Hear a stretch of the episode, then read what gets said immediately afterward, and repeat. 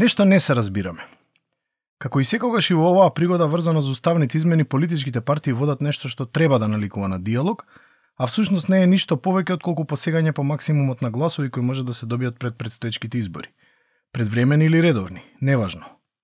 И додека партиите се натегаат дали прифатили или не прифатили уставни измени под кои услови, целата ситуација представува едно големо дежаву, кое како да се повторило безброј пати.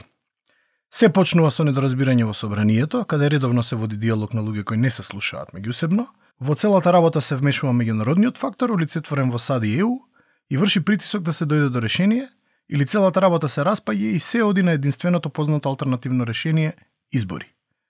Ова сценарио не се повторило безброј пати во 1994, во 2001, во 2004, во 2007, во 2012, во 2016 и конечно ни се повторува и денес. Во меѓувреме, сите партии ги штитат националните интереси, се проевропски и прозападно настроени, работат во интерес на економската стабилност на државата и се разбира работат за доброто на народот или граѓаните. Ова народот или граѓаните зависно дали сте лево или десно ориентирани.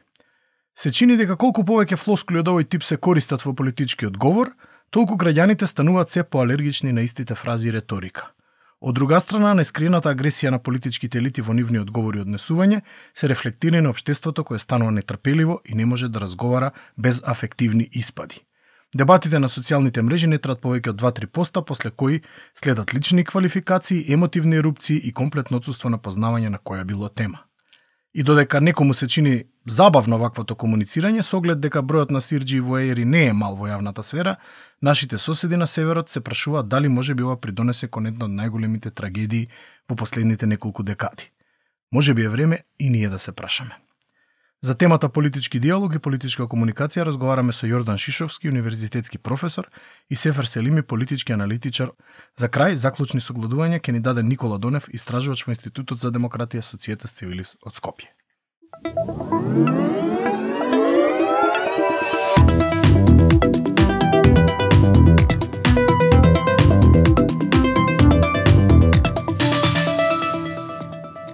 Се чини дека политичкиот диалог во Република Северна Македонија повторно се наоѓа во ќорсокак, Иако навидум партиите преговараат за постигнување на двотретинско мнозинство за гласање на уставните измени, целата дебата се претвори во натегање кој прифатил, а кој не да гласа за нив.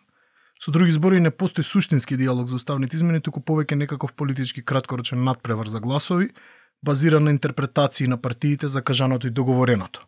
Зошто повторно се заглавивме во ваква ситуација? Благодарам на поканата, првин. Сега, не знам од каде да почнеме. Значи, као прво и основно мислам дека еден многу сериозен, поголем проблем, гледам во, во целава ситуација, на недостаток на диалог, а тоа е проблемот на недостаток на идентитет. Ние зборуваме цело време идентитетот, нашиот идентитет, така. ние неприкосновен, ваков ни го гарантирал германското собрание и така натаму. А кај нас пред се на ниво на така наречените елити политички, на ниво на а, секојдневниот живот, како да, како да ни недостасува чувство на припадност кон едно поголемо нас.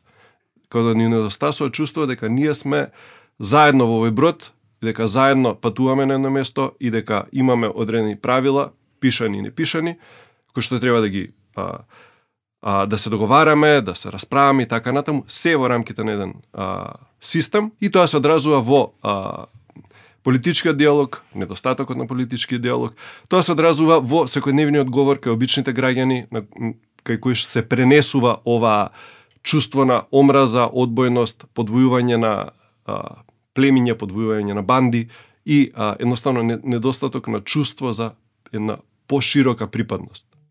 Добро, мене мислам дека на сите треба да ни да ни е јасно дека политичките партии често пати не се водат од државните интереси, не се водат од тоа што во долгорочен план би можело да донесе политички поени за една политичка партија, туку а, поради и внатре партиското организирање и функционирање и менталитет, тие се надпреваруваат кој а, може да ќари а, во дневнополитичка во дневнополитичка смисла а, некој поен. Да сега наместо целата дебата да се фокусира И тоа, ајде што го наметнуваше а, и опозицијата, дали ќе има некој проблем врз идентитетот на а, македонците како етникум, дали тоа би, би можело нешто да влијае а, во иднина врз македонскиот јазик, да кажеме, Так. или да се зборува а, што ќе придобиеме, кои ќе бидат след, следните чекори во процесот на а, преговори со Европска Унија, ако ги ставиме, ако ги гласаме уставните измени. А уште повеќе што ќе губиме и во која ситуација ќе може да се најде а, нашата држава во случај овој процес да не се движи напред, а, ние сме с- сведеле на а, флоскули на, на дебата, на, а, на многу просто а, прост разговор по, а, кој наликува повеќе на кафански муабет. Јас ти реков, ти ми рече, јас Да, прифатив токму така тоа е сведено, а за жал се зборува за иднината на нашата држава, се зборува за а, нашиот а, пат кон Европската Унија, се зборува а, како а, во наредните 10, 15, 20 години ние ќе можеме да се придвижиме и каква благосостојба ќе во каква благосостојба или не ќе живееме во во во иднина. Ова сценарио ни се повторува константно од самото прогласување на независноста на државата, од првата изборна криза или собраниска, можеме да ја наречеме во 94-та, преку конфликтот во 2001 и територијалната поделба од 2004 па се до пржино 1 и 2, партиите не најдоа начин да ги надминат разликите преку политички диалог. За настаните на 24 декември 27 април подобро и да не зборуваме со оглед на тоа дека на тие два датуми македонската демократија го добре апсолутното дно. Како е можно од ниту една криза да не сме излегле преку нормален политички диалог до сега? Што е она што им недостасува на партиите за да ја видат поголемата слика јавниот интерес, дури да треба да отстапат од своите позиции привремено? целосното отсуство на а, на култура на диалог која што произлегува не само од а, собранието, не само од а, а, тие места на на јавна а, трибина и давата, туку а, од целокупниот културен живот. А, од науката, од образованието и така натаму, каде што ние немаме а, немаме а, дискусија, немаме разговор во ниту еден медиум, немаме а, културни емисии, немаме јавен сервис кој што ќе се разговара за филозофија, за политика, за политикологија, за а, книжевност. А, Достоевски злостори казна е а, дебата за тоа како да се справиме во тоа општество, Русија, со а, системот кој што не постои, а, има злостори без казна и има казна без злостор. Меѓутоа, овие навидум абстрактни дебати се дебати кои што се необходни во нашето општество за ние да почнеме да размислуваме и размислувајќи после тоа ќе се преточува во секојдневниот живот и а, и самите бидејќи политичарите не се дојдени од страна, тоа се луѓе што доаѓаат Така од овој народ. Да го заборавам. Тоа го забораваме. И кај нас нема ниту на ниво на образование, ниту на ниво на книжевност, ниту на а, било која јавна сфера. А, немаме а, научните институции а, не добива доволно средства за да се инвестира во вакви многу битни теми. Видете, сите овие настани и е, историски се многу симптоматички и се е, развиват можеби во ист конте, контекст, со исти актери, со а, исти начини, со исти обвинувања, со исти аргументирања. И со тоа можеме да повлечеме дека а, можеби политичарите се променети, но нивниот менталитет, нивниот начин на делување не е променето. Најчесто обвинуваме меѓународната седница за мешање во внатрешната политичка ситуација во државата. Од друга страна, често се сплеткуваме во политички јазли од кои не можеме сами да се отплеткаме, па бараме помош од надвор. САД и ЕУ најчесто се јавуваат како медиатори или фасилитатори на политичкиот диалог. Создава ова долгорочна зависност од меѓународната заедница во решавањето на проблемите и проблем со интернализација на веќе постигнатите решенија. Дел од партиите прифаќаат решенија, а потоа ги критикуваат јавно и велат дека се приморани. Како луѓето да имаат доверба во политичките актери кога тие самите јавно настапуваат против договорените решенија во кои тие самите учествувале? Ова е повторно а, проблем кој што пак ќе го а, кренам малку по општо и може би малку поабстрактно. Ние а, многу често зборуваме за колониализам и го разбираме колониализмот како црно-бела ситуација каде што имаме Да. колонизатор и колонизиран.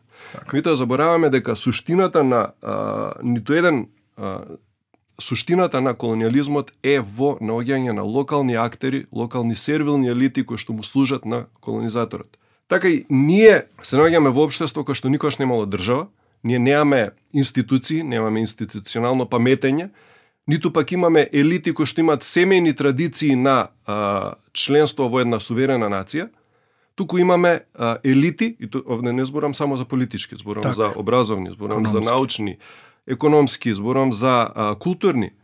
А, имаме сервилност каде што се бара господарот. На почетокот 90-ти години имаше еден шок, бидејќи господарот го снема, Белград се тргна Да. некаде Така е. надвор и а, тука имаше неколку години на импровизација, меѓутоа потоцна се видоа странските амбасадори како господари, имаме надпревар помеѓу локалните сервилни елити кој ќе биде посервилен. Меѓутоа тие странци не доаѓаат тука за господарот со нас, тие имаат некои своји вредности и така натаму. И своји агенди во крајна линија. И да. своји агенди и сега а, кај нас има еден вид на надпревар, една борба која што е борба и за ресурси, меѓутоа борба кој ќе биде посервилен. И имаме предпоставка што бараат ти од нас. Па, прво треба да нагласиме дека а, не секое а, меѓународно вмешување во внатрешните политички процеси е лоша. А, тука треба да треба да поделиме дека имаме лошо намерни влијанија, надворешни влијанија и имаме добро намерни влијанија. Ние се стремиме да а, се зачленуваме кон Европска унија, а сме членка на НАТО. А, Европската унија е супернационална институција на која еден дел од суверенитетот им се пренесува за заедничка политика. Тие услови често пати се однесуваат на функционирање на правна држава, на демократија, на правосудство, борба против корупција, криминал и така натаму и така натаму. Значи тоа мешање може само да донесе придобивки кон кон кон граѓаните како последен корисник на у- услугите на на државата. Ако се навратиме назад кон кризите кои циклично се јавуваат во македонското општество, ќе видиме дека сите кризи започнале со блокада или неможност за разумна јавна дебата во собранието. Собранието е генератор на кризи и најслаба карика на системот. Зошто баш собранието? Зошто токму собранието е најслабата карика? По собранието во една демократија, во една република би требало да биде агората, местото каде што се дебат, дебатира за идеите. Меѓутоа, како и секоја агора, таа треба да има собствени правила, а, пишани и непишани, кои што правила не можат да бидат увезени. Ние не можеме да го ископираме британското, ниту пак американското собрание. Тие мора да произлезат од нашата традиција, од нашата институционална култура, И повторно, тоа не може, а, тие решенија, значи јас не сум политиколог, политиколозите повеќе би знаеле кои конкретни механизми треба да Така. се спроведат. Вака, без информации да кажуваме, значи постојат информации, треба да знаеме на кој начин да се сменат а, институциите, да се смени собранието. Конкретно, Што да се подобри? што да се подобри. Конкретно нашето собрание зависи од партиските лидери. Ние гласаме партии, не гласаме личности. Значи, они се отчетни кон партиите, Што а не јавно кон го кажува, често што и јавно го кажуваат, истакнува. Се гордеат со тоа. Така е. И тоа значи дека и чу, а, типот на ков, на карактер што произлегува во собрание е тип на сервилен човек што служи на своите господари партиски. Овој парламентарен состав, како и последниве 15 години, мислам дека биле под силен притисок е, да не ја извршуваат својата функција како законодавци и како контролори на извршната власт. Беше е, ослабнето е, целокупната функција на парламентот претворена во една гласачка машина со пратеници кои често пати не знаеа зошто се таму. Собраниската дебата е незиниот квалитет како да опаѓа низ годините, наместо да се подобрува. Сведоци сме на лоши перцепции на граѓаните во однос на квалитетот на собраниската дебата, зашто сведочат и најновите истражувања на Институтот за демократија. Во последните неколку години граѓаните јасно кажуваат на повеќе проблеми меѓу кои деградирачки говор, недостаток на аргументи на пратениците, меѓусебно омаловажување и игнорирање на аргументите на спротивната страна. Иако ова не било ни, не било никогаш многу различно кај нас, се чини дека афективните тонови кај нас имаат за цел да компензираат за недостатокот на аргументација. Кој е твојот коментар на ова? Повторно, ако ја гледаме големата слика, ако ја гледаме целината на, на, на сетото, сетото произлегува од културата, бидејќи тие се обраќаат пред публика, публиката е таа која што е воспитана во одредени вредности, и пред таа публика, а, тоа е суштината на а, на демагозите. Демагози постојат од почетокот на демократијата. Секојаш демократијата била а, на удар на демагозите, но затоа во времето на Римската република и републиканскиот идеал се воспоставила идејата за владење на правото, за американците викаат checks and balances, за систем во кој што ќе имаме одговорност за искажаниот збор, ќе имаме а, судски а, процеси, доколку се лаже, доколку се клевети и така натаму. Па, како што кажав, проблемот е суштински во квалитетот на представување на граѓаните од страна на пратениците и личностите кои а, се а, пратеници а, и што оние представуваат како личности, па после тоа а, сето тоа се преведува и во дебатата која Се имаме. Ја мислам дека дебатата во а, собранието е рефлексија и на јавната дебата и јавниот дискурс кој го имаме ние и обратно. Политиката во раните 90 беше далеку поаматерска. Јас и ти се сеќаваме во одредена мера, не бевме многу стари, ама сепак се сеќаваме, но истовремено имам впечаток дека беше и поискрена. Се сеќам дека во првиот состав на собранието имаше на вистина што да се чуе дека дебатата беше поразновидна со оглед на сите предизвици кои државата ги имаше на почетокот. Денес сме сведоци на професионализација на политичкиот повик, но и на флоскулизација на говорот и комуникацијата со бирачкото тело и граѓаните воопшто. Како, како константно да ги слушам истите фрази од политичките елити соодветно на нивната идеолошка ориентација, но полека тие фрази како да се празнат од значење. Патриотизам, ЕУ и НАТО, макроекономска стабилност, малцински права, државни и национални интереси и така натаму, повеќе како да стануваат празни фрази преку кои треба да препознаеме некаква политичка иднина или изборна понуда, но дали на граѓаните овие фрази воопшто нешто им значат се уште?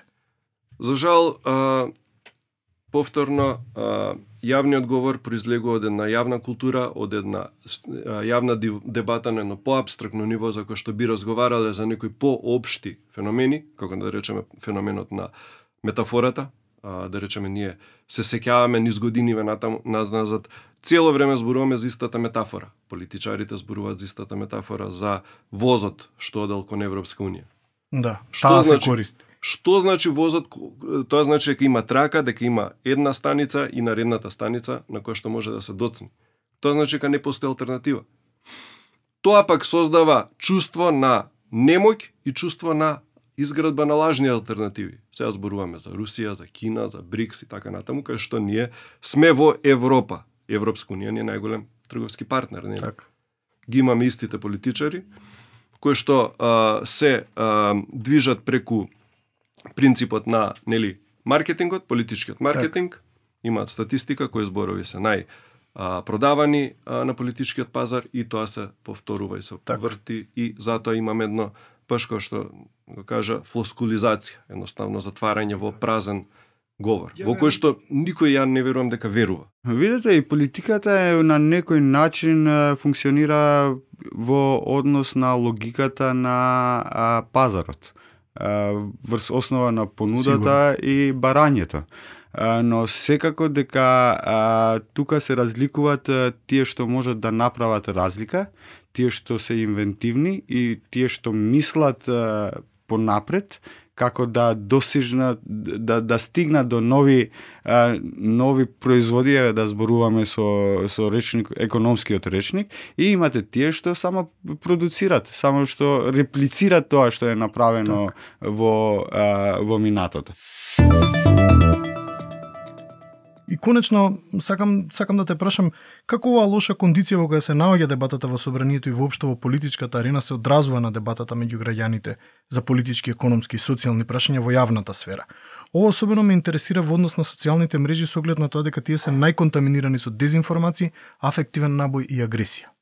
Имаме а, об, обштеството една целина, каде што сите тие јавни дебати, посебно со а, можноста, порано се сеќам а, пред собран, а, кој имаше пренос на собрание, баба ми се расправаше со телевизорот и верувам дека повеќето родители и дедовци и баби се расправаа да. во 90-тите со телевизорот, меѓутоа сега имаат шанси да се расправаат директно со пратеникот, директно да му го кажат она што им доаѓа а, на ум.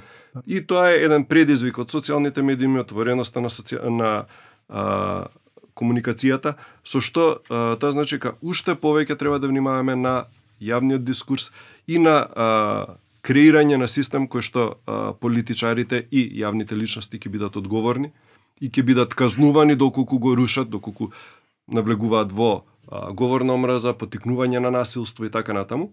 Ако ги прочитате комен, коментарите во, во социјалните мрежи, оние што пишуваат и ем, луѓе во кои ги користат е, социјалните мрежи, ќе видите дека јас е, викам дека има една огромна е, е, мнозинство која ќути и само следи.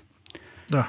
И поради таквиот токсичен наратив кој го имаме во, а, во социјалните мрежи, тие не се охрабруваат да стануваат дел од дебатата. А тоа е суштинскиот, тоа е најголемиот дел така на нашите граѓани и тие што го користат, а, кои ги користат социјалните мрежи.